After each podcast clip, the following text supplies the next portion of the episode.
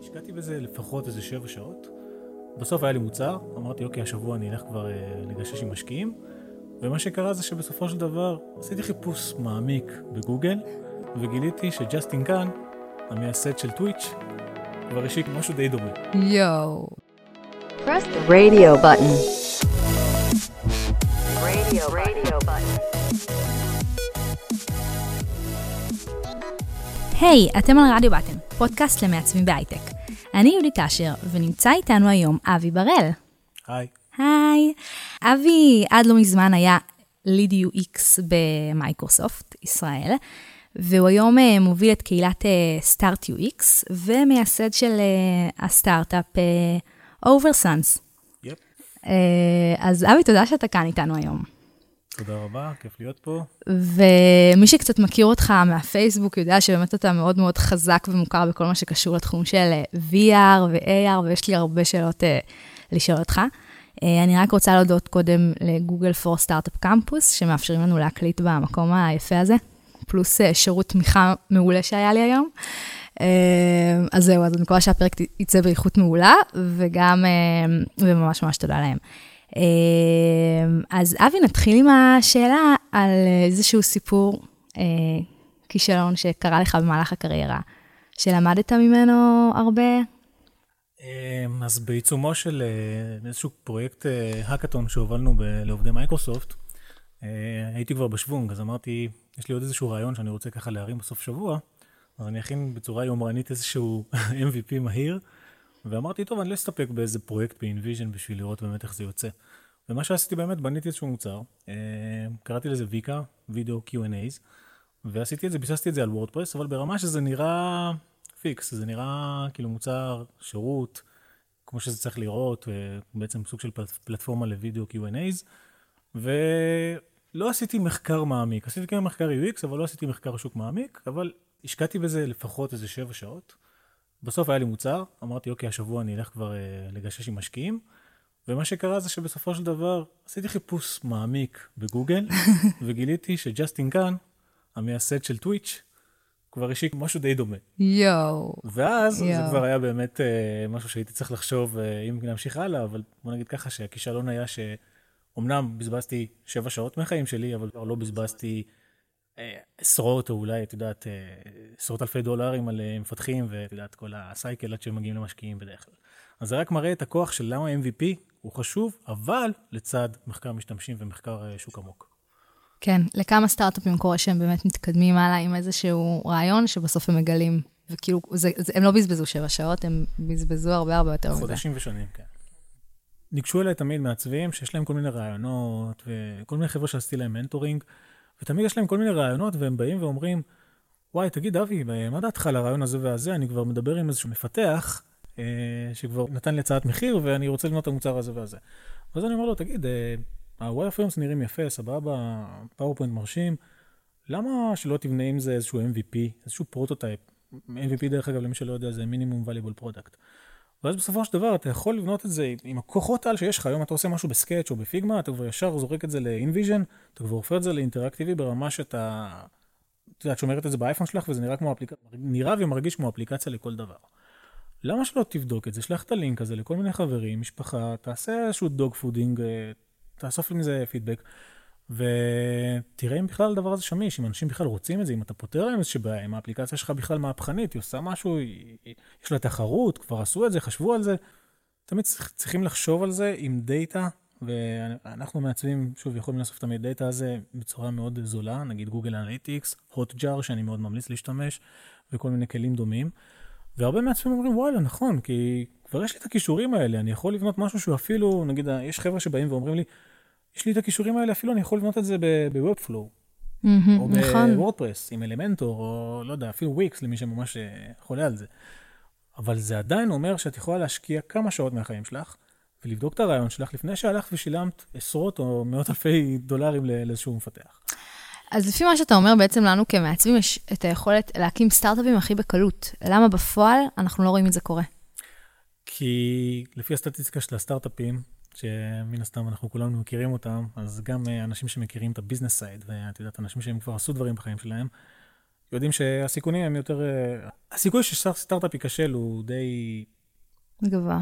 גבוה, וזה מרתיע מעצבים, דרך אגב גם אותי, היו לי הרבה רעיונות שכתבתי למגירה, וגם כשהלכתי למשקיעים וכאלה, זה דברים שבסופו של דבר לא קרו. לא כי נכשלתי, אבל כן עשיתי חושבים מה אני רוצה לעשות, ואיפה אני יכול כן לנתב את האנרגיה הזאת, ואם אני יכול באמת ללכת לסטארט-אפים שאני יכול לתת את ה... את ה... את האימפקט שלי, או את, ה- לחברות הגדולות, שאם אני יכול ללכת גם לחברות הגדולות ולתת את האימפקט שלי, אז עדיף לי כרגע מבחינת הקריירה, יותר נכון לי לעשות את זה ככה. אבל לעומת זאת, יש המון מעצבים, שדרך אגב הם קמים ומקימים סטארט-אפים, והם בדרך כלל לא משלמים על מפתח עוד לפני שהם בכלל גייסו כסף. מהמם. ורובם מגייסים כסף על משהו שהוא מאוד בסיסי, איזשהו MVP. מהמם. ואז כאילו, יש לי נגיד חבר טוב, שהוא נגיד בסיליקון וואלי, והוא עשה את זה ככה, וכשהוא חזר אליי והוא הראה לי את האפליקציה, אני אומר לו, תגיד, מה, אתה בא לחרטט אותי? כאילו, אני רואה שזה InVision.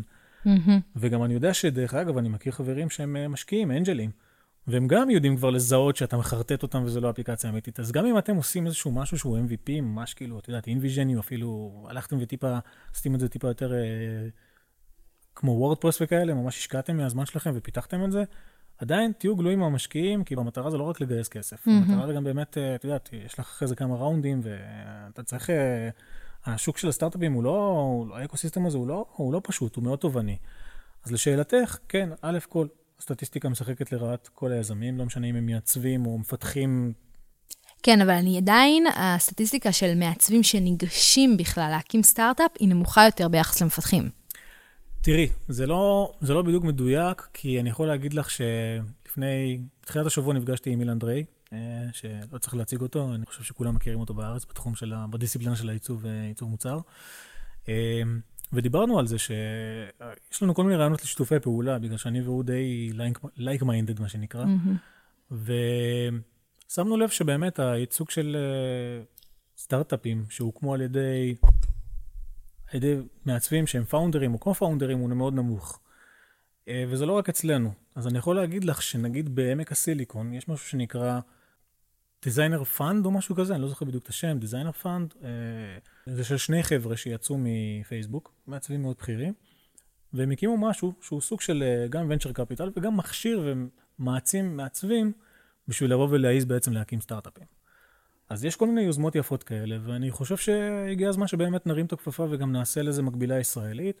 שוב, אני ואילן דיברנו על זה בצורה מאוד uh, ראשונית, אבל אני חושב שגם בארץ כבר השוק די בשל, כי את רואה שעם כל מה שאני מסתכל אחורה במהלך הקריירה שלי, אף פעם לא היה מצב טוב יותר של להיות גם מעצב, גם מבחינת החומר לימוד והתוכן שקיים, בשביל להש... כל הזמן להעשיר את הידע שלך.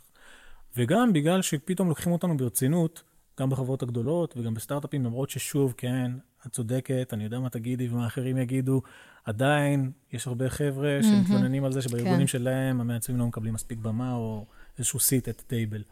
אבל זה גם תלוי בנו. כאילו, אם אנחנו לא נבוא מה ובאמת... זה תלוי בנו? גם, הש... גם הדברים שדיברנו עד עכשיו, שבאמת לבוא ולא לפחד, אה, אם יש לך איזשהו רעיון, או איזשהו pain point שאתה פותר במוצר שכרגע אתה מוביל, או אחראי עליו, או נמצא בצוות, לפעמים הרעיון הכי טוב לפתרון בעיות יכול לבוא מאיזשהו עובד צוות זוטר, מהמם. דרך אגב, לאו דווקא מעצבים. ואם אתה בא ו... כמעצב, משתמש בכוחות על שלך בשביל באמת לחקור את זה, לעשות לזה usability test, לעצב את זה, ולהביא את זה לידיעת הגורמים הרלוונטיים, נגיד, לא יודע, אפילו המנכ"ל של הסטארט-אפ שלך, כבר, קודם כל שמת את עצמך באור אחר, שכמובן, אתה צריך להאמין, אני מאמין שתמיד זה יתגמל אותך, כי אותי זה תמיד תגמל, מהמם. וגם בסופו של דבר, את יודעת, אנחנו נעשה משהו טוב עם הכוחות על שלנו, כי אין, אין תקרת זכוכית שקיימת כרגע למעצבים. אין, זה כמו שאמרתי מקודם, זה הזמן הכי טוב להיות מעצב. זה... אז מה, מה כן חסר למעצבים בשביל באמת להצליח שם? אז נורא קשה בכלל, לאו דווקא למעצבים, כל היזמים בעולם, לעבור את המשוכות האלה, שהן כל הזמן משוכות, כי החיים תמיד, אה, החיים של יזם הם לא, הם לא דבר קל. ואני מניח שרוב המעצבים הם מקבלים איזושהי החלטה מושכלת, וגם, כמוני כמוך, את יודעת, מעדיפים לתת את הכישרון שלהם, את הידע שלהם, מה, לתת מעצמם, לתת את האימפקט לכל מיני ארגונים שכיף לנו לעבוד בהם, mm-hmm. כי זה נורא כיף היום לעבוד בכל החברות האלה. התנאים מדהימים, גם במייקרוסופט, גם בגוגל, גם בפייסבוק וכל החברות האלה. ואני חושב שהרבה מעצבים בוחרים בדרך הזאת, כי זה ללכת טיפה יותר על בטוח. אז איך בעצם המעצבים יכולים לקחת את אותם כוחות על שאתה מתאר ולהשקיע אותם בתוך הארגון ובאמת לקדם את עצמם? אז זה משהו שאני מעודד עוד כבר מהימים שבאמת ניהלתי כמה מעצבים, ואני זוכר שתמיד עודדתי אנשים, אה, גם בשעות הפנאי שלהם, וגם אם זה משהו שבאמת, את יודעת, לפעמים אפשר להביא איזשהו רעיון, נגיד פרויקט צד. קודם כל, תמיד שיהיה לכם פרויקט צד. כי אני לפחות יכול להעיד על עצמי, שלא משנה על איזה פרויקטים מרתקים עבדתי, גם בסטארט-אפים, גם בחברות גדולות, תמיד זה הופך לרוטינה. אז נכון, אנחנו נמצאים בתחום שאנחנו לא באמת קוראים לעבודה שלנו עבודה, כי כיף לנו, כאילו, כל פעם שאני מנהל את השיחה הזאת עם חברים שלי, תמיד הם בשוק ומקנאים, למה, למה אתה, למה תמיד יש לך את הפאשן הזה בעיניים שאתה הולך לעבודה? כי וואלה, כיף לי. כאילו, mm-hmm. אנחנו עוסקים משהו שהוא סוג של, אה, בוא נגיד, הפכנו מתחביב למקצוע. לגמרי. יפה. אז uh, תמיד שיהיה לכם פרויקטי צעד, כי לפעמים הברק הזה בעיניים די יכול לחלוף. כי אם אנחנו עובדים על מערכות שהן, את יודעת, uh, כבר עשינו משהו, עשינו design system, הדבר כבר רץ, המפתחים כבר מפתחים, ולאט לאט זה נכנס לרוטינה כזאת, שאת כמעצבת כבר uh, די מתעסקת בדברים הקטנים, בתחזוקה. אז ברגע שיש לך איזשהו פרויקט צד, ולפעמים אתה גם יכול לבוא ולהגיד, וואלה, בדרך כלל, דרך אגב, הפרויקטי צד שלנו הם בתחומים שאנחנו כבר עושים. נגיד, אם את עובדת עכשיו על איזושהי מערכת cloud מעניינת, אז כנראה שיש לך גם בדרך כלל יהיה לך פרויקט צד שהוא קשור לאותו business. נגיד, אני הייתי בתחום הסייבר, אז מן הסתם שהיו לי בתקופה הזאת מיליון רעיונות לאפליקציות סייבר אה, ל-IoT ולאנדרואיד וכל מיני דברים כאלה. אז הרבה פעמים גם הייתי בא לכל מיני אנשים בחלונות הגבוהים, קובע איתם לקפה, זה מה שיפה בכל החברות הגדולות של היום, שאת יכולה לפנות לכל האנשים בחלונות הגבוהים שהם נגיד מובילים את התחום שיש לך את הרעיון לגביו, נגיד, לא יודע, AR, או לצורך mm-hmm. העניין סייבר. ואת יכולה להציע להם את המוצר הזה, שהוא פרויקט צד שלך. אגב, ככה התחיל ג'ימייל. גוגל פשוט נתנו ל, ל, ל, בזמנו ל, לכל מיני מפתחים בחברה שהייתה צעירה, לחשוב על כל מיני רעיונות, ופרויקט צד של מישהו ספציפי, איזשהו עובד זוטר, הפך להיות הדבר הכי גדול בחברה.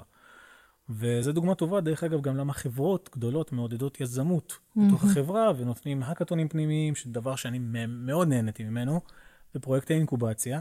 ובסופו של דבר מעודדות גם מעצבים להשתלב בדברים האלה. אז זה מגניב אם אתה עובד בחברה גדולה.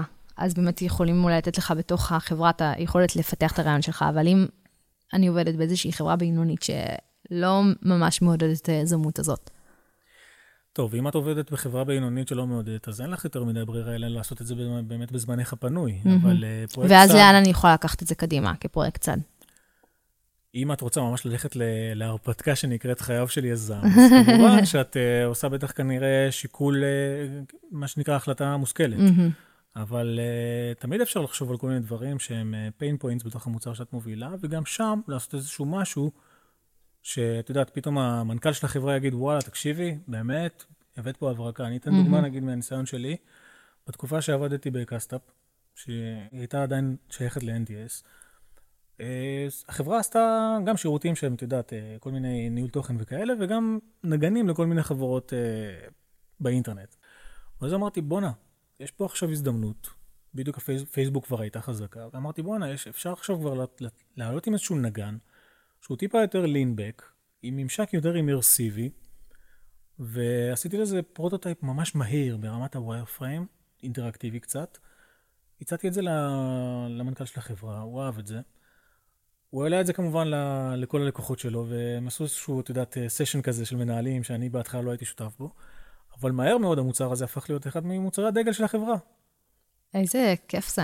וזה היה באמת uh, חוויה מעצימה. אז כאילו, תמיד תלוי איפה את מוצאת את ה pain point שאת יכולה להגיד, וואלה, mm-hmm. אנחנו עושים נגיד סתם לצורך העניין, במקרה הזה זה היה נגנים, אבל יכול להיות שהחברה שלך מייצרת, לא יודע, אה, אה, מוצרי סייבר, ופתאום את, את אומרת, יש נישה מסוימת, נגיד ב-IoT, שכרגע mm-hmm. יש בה חור אבטחה מצו, מסוים, ואני רואה פתרון שדווקא כ-UXית אני יכולה לפתור את זה אחרת מ, לא יודע מה, ממיטב המוחות שעובדים על זה כרגע, ו...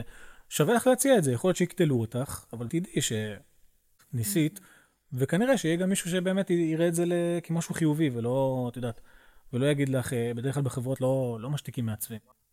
העיקר זה לא לחשוש. גם אם מקבלים ביקורת, לא לקחת את זה ללב יותר מדי. את יודעת, אנחנו, אני נגיד מאוד לא אוהב את המושג הזה של מעצב. אני אף פעם לא קראתי לעצמי מעצב.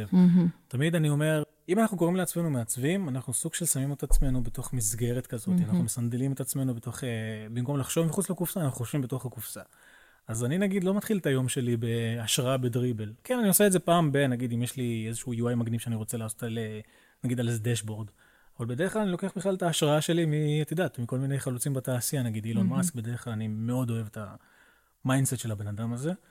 מביל גייטס, כמובן בזמנו מג'ובס, ואת יודעת, כל מיני אנשים שהם חלוצים, שהם גם יש להם את הראייה העסקית, והם לא רק מגיעים, הם מתחילים הרי לחשוב עסקית ואיך אנשים רוצים להשתמש במוצרים האלה, או מה חסר להם ומה הם צריכים.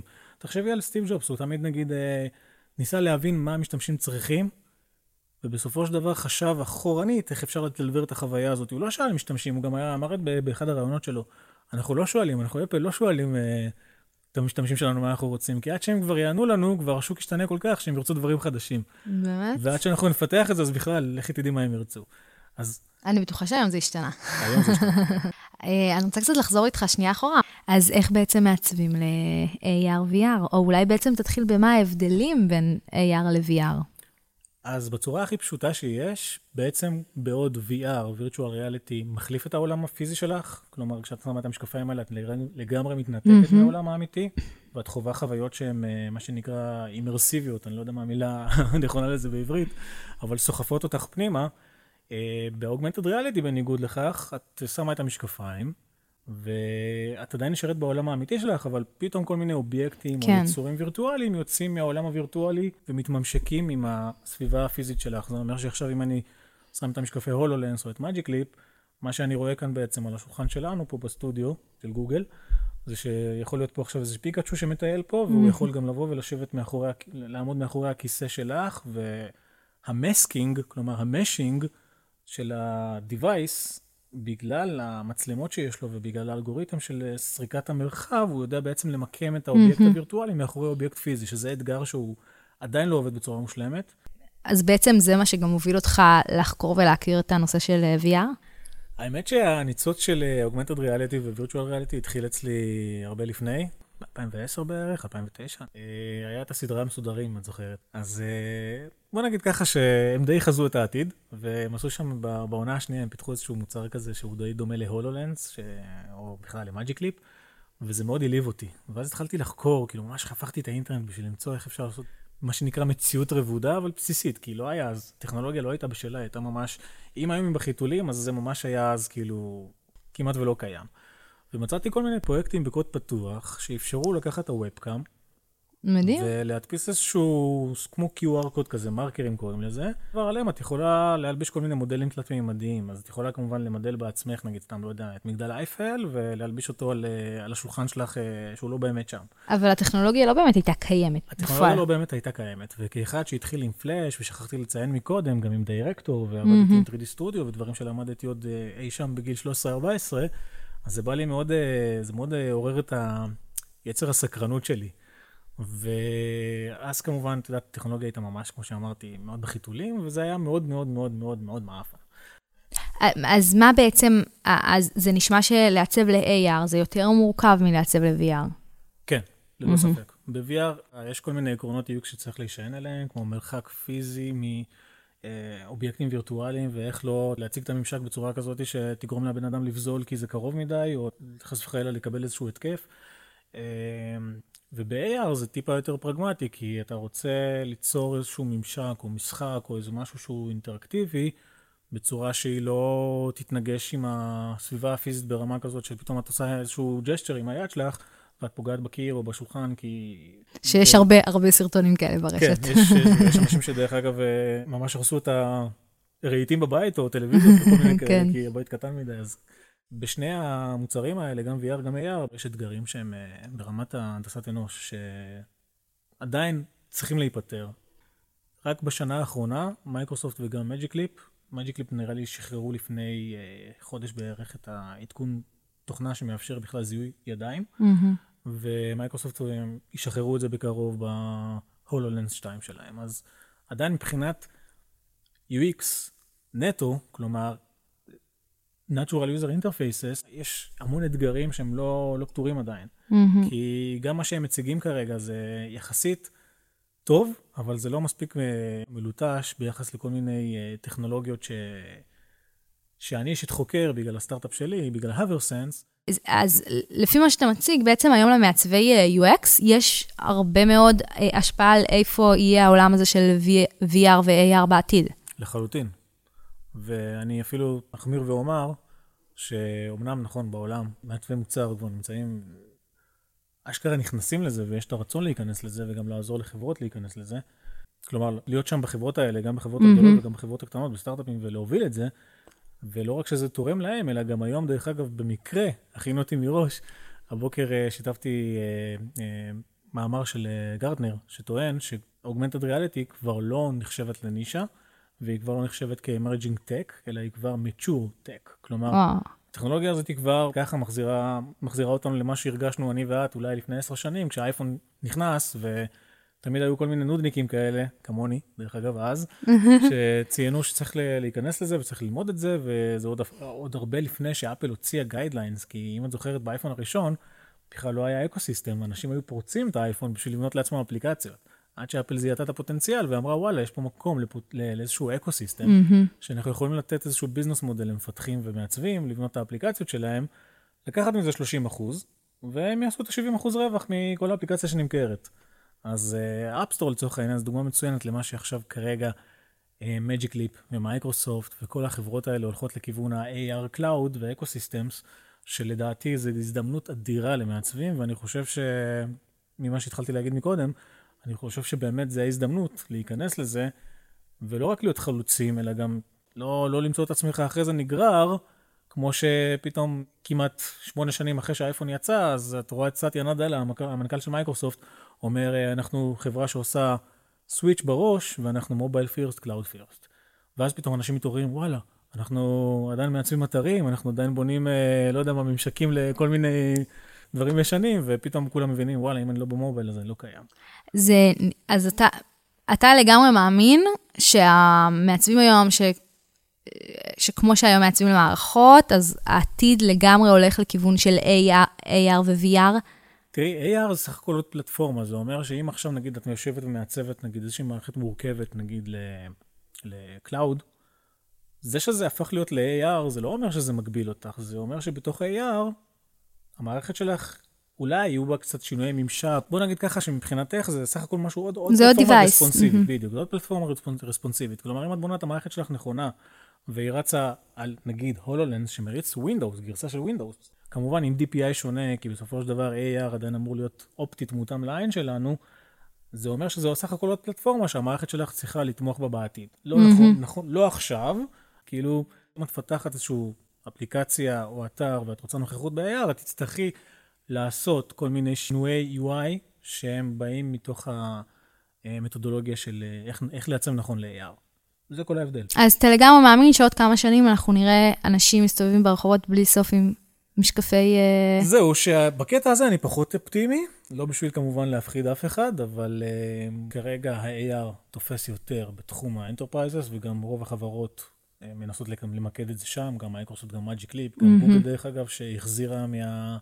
עשתה תחיית, תחיית המתים לגוגל נכון. Glass, שגם כן פתאום היא ממוקדת יותר ל enterprise ופחות ל consumers, כי ההבנה היא שמבחינת consumers, אני ואת עכשיו לא נלך עם איזשהו משקף שהוא כבד, ולא יודע מה, לא נוח, ואתה יודע, זה נראה בערך כמעט כמו קסדה, אנחנו לא נלך כן. עם זה בחוץ. גם מבחינת העדשה של זה, היא עדיין לא מתאימה לשמש, לאור שמש ישירה. זה אומר, בגלל שזה הולוגרמה, אז האור שמש כבר חודר את זה, ואתה כבר לא רואה באמת מה... לא יודע, אם את משתמשת נגיד בווייז ל-AR לצורך העניין, אז כאילו, את לא ממש רואה מה הוא מכווין אותך. כן. אז זה קצת מאבד מהמשמעות. אז עד שהטכנולוגיה לא תגיע לזה, זה לא באמת, לא באמת נראה את זה. ההערכה היא, לפי האנליסטים, אני לא טועה, Business Insider פרסם איזשהו מאמר שמדבר על זה שעד 2025, אז כמעט כל הבעיות ייפתרו. אני אוקיי. קצת יותר פסימי, אבל אני כן אומר, תהיו עם האצבע על הדופק. נגיד, לצורך העניין, אני בגלל כל דבר שאני לומד, אז אני נהנה לשתף. בגלל זה גם הקמתי את Start UX, כמו שאמרתי, ולאחרונה הכנסתי לשם איזשהו unit, אה, אה, קטגוריה של units, שבהם אני משתף את כל המאמרים, לא רק שלי, אלא גם של כל מיני בכירי התעשייה, כל מיני אנשי UX שבאמת כותבים בצורה קבועה, באופן קבוע ב-UX קולקטיב וכל מיני מגזינים בעולם. אה, אפילו כל מיני חבר'ה, את יודעת, מ-NNG וכאלה שמשתפים כל מיני case studies, למה זה נכון שמעצבים ואנשי UX כבר ייכנסו לזה עכשיו, כל עוד זה עדיין מוגדר כסוג של emerging tech, ולא יתעוררו יותר מאוחר, כשכבר באמת, אה, את יודעת, אה, אם את רוצה להיות בחוד החנית, אז זה הזמן להיכנס לזה. אז האמת שאני באמת אשתף שאני לפני חצי שנה ניסיתי לבנות, לעצב um, איזושהי, איזושהי אפליקציה באמת ל-AR, אמ, ונתקלתי, ו- וממש היה לי חסר ידע, כאילו ברמה של איך לפתוח מסמך, באיזה גודל, איך אני בעצם בכלל בודקת את מה שאני עושה.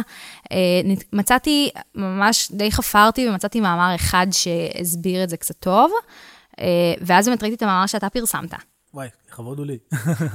אז איך באמת מעצבים ל-AR, VR? אני פותחת את הקובץ Figma שלי, Sketch, איך אני עושה את זה? אז קודם כל, מה שיפה זה שאת יכולה לעצב בכלי האהוב עלייך, לא משנה אפילו בפוטושופ לכל מי שלא יתקדם יותר מדי.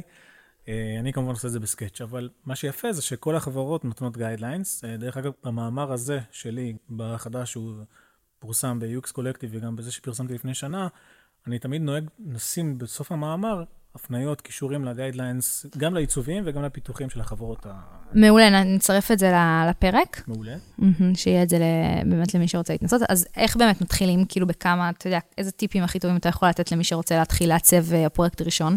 אז בעיקרון, בשביל אה, ממש אה, לעשות איזשהו אפיון wireframe־י לחלוטין, אז יש כל מיני, אה, אה, סוג של, אה, נקרא לזה stage איזומטרי שכזה, שאתה צריך לדעת, אה, את יודעת, כמו, כמו פנורמי כזה, שאת יכולה למצוא אותו באינטרנט. אה, אני זוכר שנראה לי אפילו קישרתי את זה לאחד המאמרים שלי, וזה עוזר קצת ל- באפיון האפליקציית AR/VR. צריך כמובן לדעת איפה למקם את ה-Heads-up Display, כלומר, כל מיני דברים. נגיד, אם יש לך אפליקציה של fitness, ונגיד לצורך העניין הבן אדם רץ, אז אתה לא צריך לעשות blocking ל-view שלו של המציאות. אתה צריך כן לתת בצורה, נגיד, בפינה השמאלית למעלה, איזשהו דשבורד קטן ושקוף, שמסביר, לא יודע, שמראה נגיד אה, בצורה מאוד גרפית אה, כמה צעדים הוא עשה וכמה מרחק הוא עבר וכל מיני דברים כאלה, מבלי לחסום לו את המציאות, את. השדה ראייה שלו, כדי שהוא לא ייכנס חלילה בעמוד, כי אתה בא להעצים אותו ולא לשים לו רגל. אז בדברים האלה יש ממש עקרונות של UX, שאי אפשר למנות אותם על רגל אחד כמובן, אבל uh, יש case studies מאוד יפים, גם של גוגל וגם של אה, אפל וגם של אה, מייקרוסופט, שבאים ומסבירים בעצם איך, אה, איך נכון באמת לבנות את, ה, את ה-UI בצורה שהיא הכי, שהיא תהיה הכי טובה לקונטקסט של האפליקציה עצמה. אז זה ממש להתאים את זה פר מכשיר, אני מתאימה את העיצוב שלי. כמו, שאני, כמו שאת העיצוב כאילו בטלפון, אני מתאימה ל... כן, אהה. כן. בעיקרון זה כמו ההבדלים, אם נפשט את זה, זה כמו ההבדלים בין אפליקציית ה-iOS שאת מעצ- מעצבת לפי UX Guidelines של אה, אפל, ולבין אותה אפליקציה שאת מעצבת גם לאנדרואיד. אז כאילו, לכל אחת מהפלטפורמות יש את ה guidelines שלה, ואת חייבת לכבד אותם. תשתף באתגר הכי, באתגר ה-UX־י הכי מורכב אה, בלעצב באמת ל-AR ו-VR. אז לפני שהיו כלים, כמו הכלים שאני, דרך אגב, המלצתי עליהם במאמר שלי, אה, היית צריך ממש אה, לבנות את הכל בעצמך. אז כאילו, כל דבר שהיית בונה, נגיד ב-AR, מבלי שיש לך תוכנת prototyping שכבר מגדירה מה DPI הנכון ומה המרחק הנכון של איזשהו דשבורד שאתה שם מול הבן אדם, אז תמיד כשהייתי בונה את זה בעצמי, אז תמיד היה, זה תמיד היה יוצא לא נכון, נגיד זה היה קרוב מדי, ואז אתה מושיט את. היד, ואז כבר, זה כבר יוצא דרך ההולוגרמה, אז כאילו, תמיד יש אה, אתגרים כאלה שהם, אם אתה לא עובד לפי SDK מסוים, לפי, לפי הגיידליין של אותה חברה, או לפי מה שמגיע בילט-אין בתוך ה-SDK, אז אתה תמיד, אה, זה מקום לטעויות. אז בעצם אתה מעצב על, ה, על הפיגמה או הסקאץ', ואז איך אני בודקת בפועל, אני מייצאה את זה כתמונה למכשיר? שאלה מצוינת. יש לך כלים שמתממשקים אה, עם Figma וגם עם Sketch. מהמם. אה, לא זוכר את השם של הכלי שהמלצתי במאמר שלי, כי עדיין, אני עדיין בודק אותו. אה, אבל הוא ממש יודע לקחת assetים מתוך Sketch או Figma או כלי שנוח לך, או להציב את זה בסביבה הווירטואלית ה-AR־ית, ואת יכולה פשוט ללחוץ על play ולשחק עם זה כמו שאת עושה debug לאפליקציית האייפון במכשיר שלך. זה plugin שמתחבר ל Figma? כן, זה plugin, וגם יש להם אופציה, כאילו ממש, אה, את יודעת, להתחבר לכל מיני Dropbox וכאלה, איפה שאת שומרת את ה assetים שלך, אם זה לא Figma נגיד, והצורת עבודה שלהם היא מאוד, אה, היא מאוד seamless. ובפועל, איך אני רואה את זה על, על המשקפיים? אה, ראית את הדמו שהעליתי לפני כמה שבועות? כן. אז אה, ככה, זה כאילו אתה... תספר אבל למאזינים למי שלא ראה. אה, זה סוג של מציג לך קובייה כזאת שהיא בעצם ה-representation של החדר שלך, או המרחב שאת אה, מריצה בו את, ה, את ה prototype, ואת יכולה לקבוע בעצם איפה הבן אדם עומד, שזה את, והמשתמש לצורך העניין, ואיפה את שמה בעצם את ה-UI, את האלמנטים ה-UI, וכשאת מקרבת את זה, אז הוא אומר, הוא אומר לך שזה קרוב מדי, ו... אז בעצם אני יכולה לעצב מהבית שלי, מהמחשב שלי, עם כל התוכנות שאתה מזכיר, בלי שיש לי משקפיים כאלה בבית. כן, זה כל המטרה. כי עד שבאמת נקבל איזושהי הנגשה לציבור של אה, משקפיים שלא עולות 3,000 דולר, כמו במקרה של מג'יק ליב והולולנס, מהמם, כן. אז אה, צריך איכשהו להיות מסוגלים, את יודעת, להישאר בחוד החנית ועדיין לעצב לזה ולדבג את זה לפחות בסמארטפון שלנו. אה, אז אבי, באמת הזכרתי את זה מקודם, שאתה מאוד אה, מכיר טכנולוגיות לעומק ומתמחה בכל מה שקשור ל-VR. איך בכלל אה, נכנסת לתחום של אה, UX? וואו, שאלה יפה. בעיקרון, כנראה בגלל שאני מצייר מגיל מאוד צעיר וגם חובב מדע, אז היה לי תמיד איזשהו פשן, תמיד היה לי את השילוב של קריאיטיב ומשהו שהוא טיפה יותר טכני-אנליטי. וברגע שקנו לי מחשב ראשון, אפילו אני זוכר שזה התחיל אפילו עוד לפני המחשב, בכל מיני קונסולות כמו אתרי 2600 וכאלה, ותמיד עניין אותי איך הדברים האלה עובדים מאחורי הקלעים. כלומר, אתה רואה מכוניות, כל מיני גרפיקות למיניהם, אבל איך זה עובד? ואז בגיל 12 בערך התחלתי ממש לחקור את זה, כי כבר היה אינטרנט ויכולתי להוריד כל מיני אה, חומרי לימוד. והתחלתי ללמוד פוטושופ, שזה היה לי מאוד טבעי, כי בגלל שאני מצייר מגיל צעיר, אז שוב, וואקום וכאלה, ולצייר. מהר מאוד גיליתי על פלאש, שזה בכלל טרף את כל הקלפים. מי שוותיק בתחום, אז הוא זוכר בטח כן. אה, כמה פלאש היה חזק בזמנו, כי יכולנו תכלס לצייר, לא סתם אנימציות, מי שידע לתכנת, גם לתכנת ואשכרה לבנות מזה משחקים, ולעשות אינטראקטיב באינטרנט בצורה שהוא end-to-end. אני חושבת שפלאש באמת הייתה תוכנה מגניבה. היא הייתה מדהימה. בוא נגיד ככה שהיום, שוב, גם אני יורד עליה, אבל בזמנו זה היה משהו שאפשר לנו, לנו כמעצבים וכאנשי front, לעשות דברים שהם מדהימים. וברגע שהתחלתי ללמוד פלאש, הבנתי שיש פה הזדמנות, ו... איך, איך אמר ביל גייטס, אה, הוא מעדיף לקחת אנשים עצלנים. כי עצלנות זה טוב ל innovation, אז אה, וגם לפתרון בעיות. ובתקופת התיכון, נראה לי זה היה בכיתה י"א או כיתה י"ב כזה, אה, אני ועוד חבר שלמדנו פלאש ביחד והיינו מבריזים משיעורים משעממים לספרייה בשביל ללמוד פלאש, אמרנו בוא נקים איזושהי חברה שמציעה שירותים של web design לחברים של הורים או כל מיני אנשים בקניון שיש להם חנות או פיצריה, והתחלנו לבנות אתרים, זה היה disaster, אבל צברנו מזה ניסיון בשוק האמית, בעולם האמיתי. היו לכם לקוחות? היו לנו לקוחות. מדהים. הם לא שילמו הרבה, כן, אבל uh, תמיד חיכינו שהם יגידו פלאש, כי פלאש היה, היה אפשר לעשות את זה, הייתי יכול לבקש יותר מחירים, יותר, uh, מחירים יותר גבוהים על פלאש. ואיכשהו זה הביא אותי גם לצבא, כי בצבא הייתי בממר"ם וממק"א, שזו אה. יחידה שנראה לי כבר לא קיימת. ושם בעצם היה טבילת המים הראשונה שלי בעולם האמיתי, כי שם נתתי שירות לא רק לכל אגף התקשוב, אלא גם לכל מיני אה, שחקנים מחוץ לאגף התקשוב, כמו, כמו לצורך העניין 8200 וכאלה, mm-hmm. בתקופה מסוימת. מה, כן. מה התפקיד שלך? זה היה סוג של אה, UX גוי, לא היה, mm-hmm. זה לא היה את המושגים האלה של UX ו-UI, UI קצת היה, בוא נגיד קראו לזה גוי. זה המדור שלנו נתן שירות של, uh, כמו סטודיו ל-UX UI לכל מיני גופים בצבא, אם זה מערכות ל... אה, ניהול כוח אדם, מערכות רפואיות, מערכות מילואים, אה, מערכות לוגיסטיות, שכל מיני יחידות משתמשות בהן. וזה היה פעם ראשונה שבאמת צללתי לתוך העולם הזה של מערכות מורכבות, שהיום נקראות Cloud או On-Prem mm-hmm. User Interfaces שאנחנו בונים להם. וזה היה מאתגר, זה היה כיפי. זה היה גם הזדמנות לבקש מהמפקדים שלי כל מיני קורסים בעולם האמיתי בשביל ללמוד באמת מה זה אז קראו לזה גורמי הנדסת אנוש, אם אני לא טועה. זהו, כמה היה באמת אז מידע שיכלת ללמוד ממנו? מקצועי באינטרנט כמעט ולא היה, ובגלל זה ביקשתי לצאת לכל מיני קורסים באזרחי, שדרך אגב זה היה מצחיק, כי הקורס הראשון שלי היה במייקרוסופט. אה. שאומנם בגיל צעיר יותר אמרתי, אני רוצה לעבוד במייקרוסופט או ב Apple, נראה לי זה היה כשהביאו לי את ה Mac הראשון, ההורים שלי. אז זה היה כאילו, החזון, החלום, השאיפה התחילה כנראה בגיל 13, אבל uh, כשבצבא אמרו לי, יש קורס במייקרוסופט שמעבירה אותו חברת אדווייס, שנראה לי היום היא כבר לא קיימת, uh, היו שם כל מיני חלוצים בתחום, כמו דודו רשתי ויניב מיכאלי, שעם השנים פגשתי אותם בכל מיני כנסים של ברק, דרך אגב, של UXI וכאלה, אז זה היה תמיד כזה מרגש, וכמובן שה... הדבר הכי מרגש היה שבסופו של דבר מצאתי את עצמי במייקרוסופט בפחות מעשר שנים, אז זה בכלל היה כזה... מדהים, הגשמת לעצמך חלום ראשון. לא יודע אם זה חלום, אבל זה היה כנראה ב-back of my mind, אז כאילו זה היה כזה מגניב. יפה, וואו. אז אה, איך משם הגעת בעצם למה שאתה מתעסק בו היום?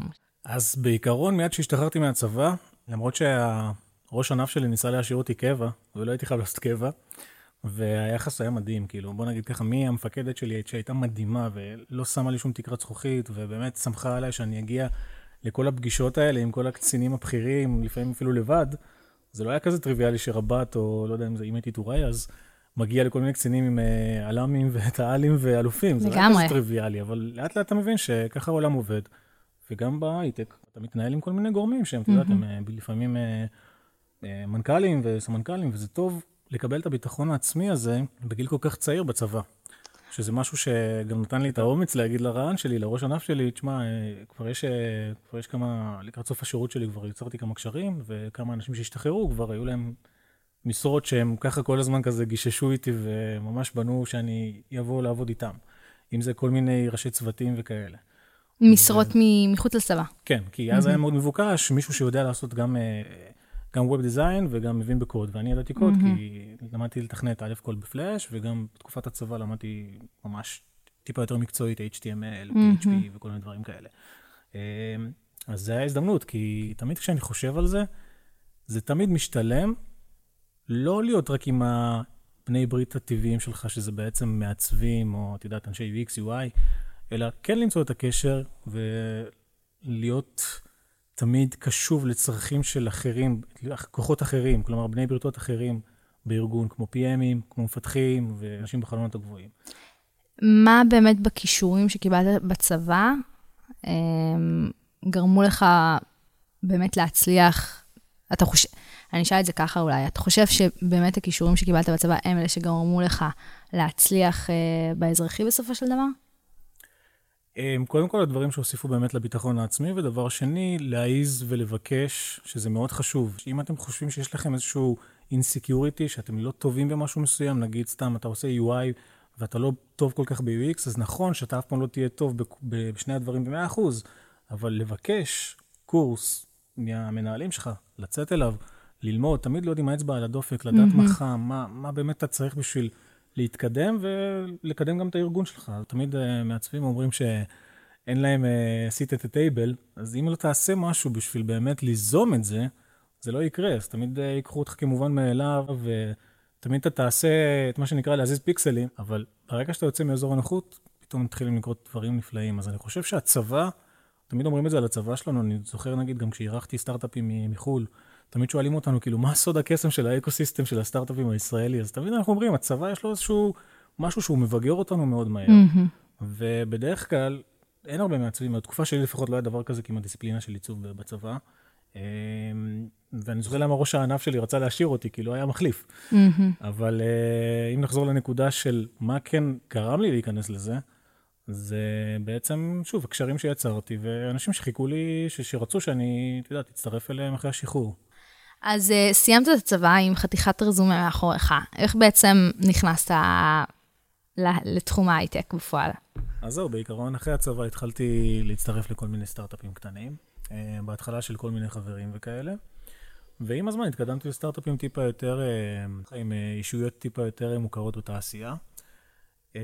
אני זוכר שכשהגעתי לחברה בשם CastUP, שכבר נקנתה על ידי NDS, שהייתה חברה גדולה בעצמה, זה היה מאוד משהו שתרם לקריירה שלי, כי הייתי שם בערך ארבע שנים, חמש שנים, ועל הדרך היא גם נקנתה, NDS וסיסקו התמזגו. Mm-hmm. אז כבר זה היה באמת הטבילה הראשונה שלי ממשהו שהתחיל כסטארט-אפ קטן, שהייתה לי שם אוטוריטה מלאה על UX, למשהו שבעצם הגיע ל corporate.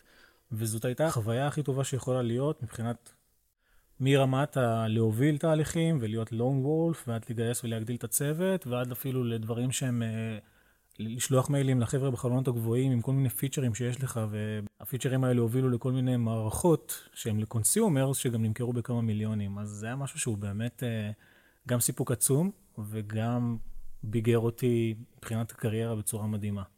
אמ, אבי, תוכל להיזכר באיזושהי נקודה בקריירה שהייתה מבחינתך, אמרת, וואו, כל הדרך, הכישלונות, הצלחות היו שווים בשביל אותו, אותה נקודה.